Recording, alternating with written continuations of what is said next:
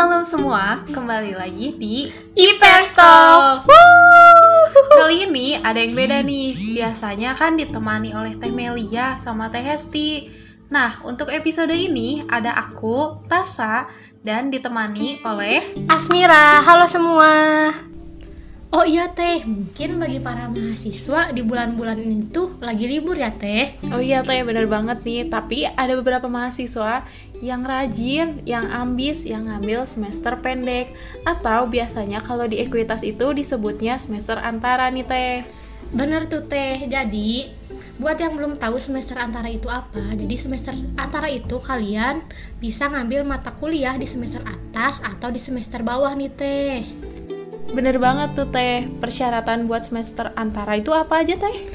Jadi persyaratan buat semester antara itu kamu harus mempunyai IPK minimal 3 nih teh. Nah, jadi dengan kalian punya IPK minimal 3 itu kalian bisa ambil mata kuliah semester atas. Nah, tapi di sisi lain, kalau kalian misalkan di semester sebelumnya ada yang kurang nih nilainya teh. Nah, kalian juga bisa ambil mata kuliah bawah untuk memperbaiki nilai kalian yang kurang bagus tuh teh.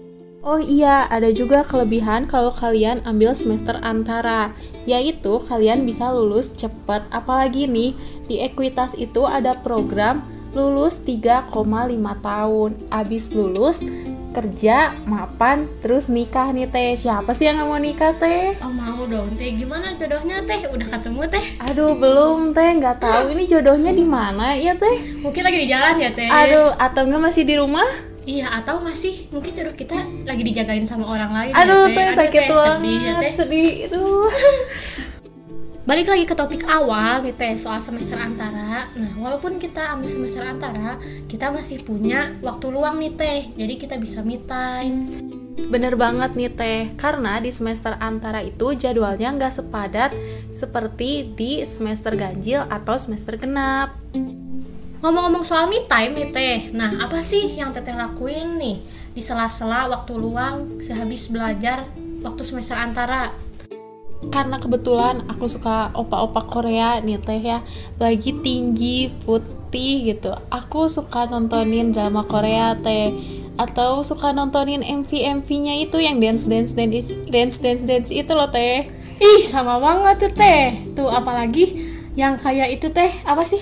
Yang OT7, OT13 ya OT23 Tuh pasti kalian tahu kan itu siapa aja Tahu dong Teh, ngomong-ngomong soal drama nih Teh, aku punya beberapa rekomendasi drama tentang pendidikan.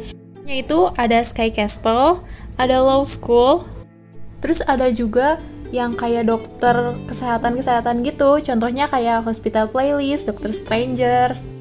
Oh iya aku juga pernah nonton nih Drama yang tadi teteh sebutin Yaitu drama Sky Castle Nah jadi di drama Sky Castle itu menceritakan eh, murid-murid SMA yang ambis banget pokoknya. Nah dan lingkungannya juga kan lingkungan eh, kawasan berada gitulah elit. Nah tapi saking karena ambisnya dan orang tuanya tuh jadi gak mau kalah gitu. Jadi anaknya tuh harus yang terbaik gitu dari yang lainnya. Nah karena gak mau kalah jadi orang tuanya tuh menggunakan cara yang licik atau kotor Nah, jadi di drama itu tuh orang tuanya mencari tempat les privat untuk anaknya dan ternyata tempat les privatnya itu membocorkan soal yang akan diujiankan di sekolah Oh iya, wow, parah banget dong Teh. Oh iya, dari judul drama yang tadi aku sebutin itu kan ada Law School ya Teh. Nah di drama itu tuh kayak ngejelasin tentang hukum-hukum gitu Teh. Jadi ceritanya tuh ada salah satu dosen di sekolah hukum yang meninggal. Nah, penyebab meninggalnya itu masih belum diketahui, masih diselidikian sama polisi. Jadi mahasiswa di sana juga membantu hak kepolisian buat mecahin kasus itu. Cocok banget deh buat kalian yang suka hukum. Apalagi di sini tuh kayak ngebahas pasal-pasal gitu. Walaupun bikin pusing, bikin mumet, bikin mual kalau nontonnya, tapi tetap rame kok. Rekomendasi banget deh buat kalian yang suka hukum-hukum gitu. Oh iya nih teh, kalau teteh biasanya mengisi waktu me time ngapain aja ya teh? Kalau aku sih selain nonton drama, aku juga baca-baca buku novel juga. Nah, dari buku novel itu yang pernah aku baca itu dari novelnya karya Terelie. Nah, yang pernah aku baca itu series dari novel Bumi. Jadi itu tuh saling menyambung gitu loh teh dari bumi ke bulan ke matahari. Nah, jadi itu tuh lebih ke genrenya fantasi gitu. Terus aku juga pernah baca yang judulnya Pulang. Aku mau pulang. Eh jangan dong teh kan kita masih harus nemenin pendengar setia kita nih teh. Oh iya, aduh teh lanjut. Nah jadi nih teh di novel Pulang itu lebih ke menceritakan eh Eh, eh, apa nih teh? Eh, percintaan, eh, perbucinan, eh, pernikahan. Aduh, apa tuh teh? Eh, eh, eh. eh gini tuh dah jadi lupa lagi weh aku teh ya. Jadi novel Terelie berjudul Pulang tuh menceritakan tentang shadow ekonomi nih teh.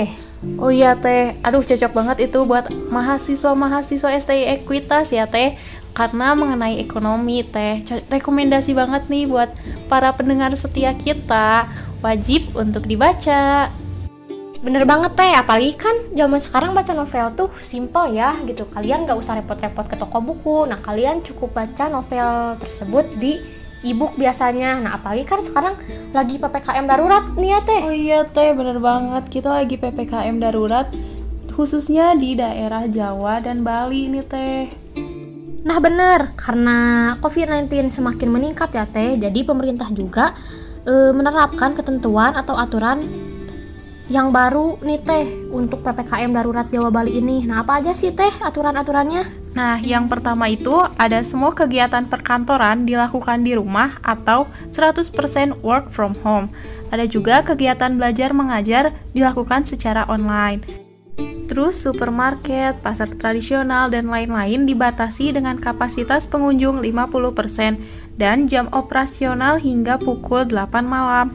Mall ditutup, lalu untuk tempat makan dan minum seperti kafe dilarang makan di tempat. Untuk resepsi pernikahan dibatasi maksimal dihadiri oleh 30 orang dan masih banyak lagi aturan lainnya nih teh. Jadi teteh jangan dulu nikah ya teh. Oh iya teh masih jauh kan kita harus lulus dulu cepet teh kan makanya kita ikutan semester antara. Nah jadi biar lulus cepet gitu teh. Nah, iya teh bener banget. Nah, untuk mendukung program pemerintah PPKM darurat, kalian juga jangan lupa nih harus menerapkan protokol kesehatan, yaitu 5M. Apa aja teh 5M tuh? Nah, 5, 5M itu memakai masker, mencuci tangan, menjaga jarak, menjauhi kerumunan, dan membatasi mobilitas. Selain itu juga kalian harus makan makanan yang sehat nih. Nah, pola makannya harus dijaga. Nah, kalian juga harus kayak banyak makan sayur, buah-buahan, dan lain-lain. Nah, terus kalian juga harus menjaga imun kalian. Nah, agar tetap happy. Nah, kalian boleh tuh bisa melakukan aktivitas yang kita rekomendasikan. Iya teh, betul banget. Jadi biar mengisi waktu me time, terus juga biar nggak stres kan teh. Dan tetap stay healthy.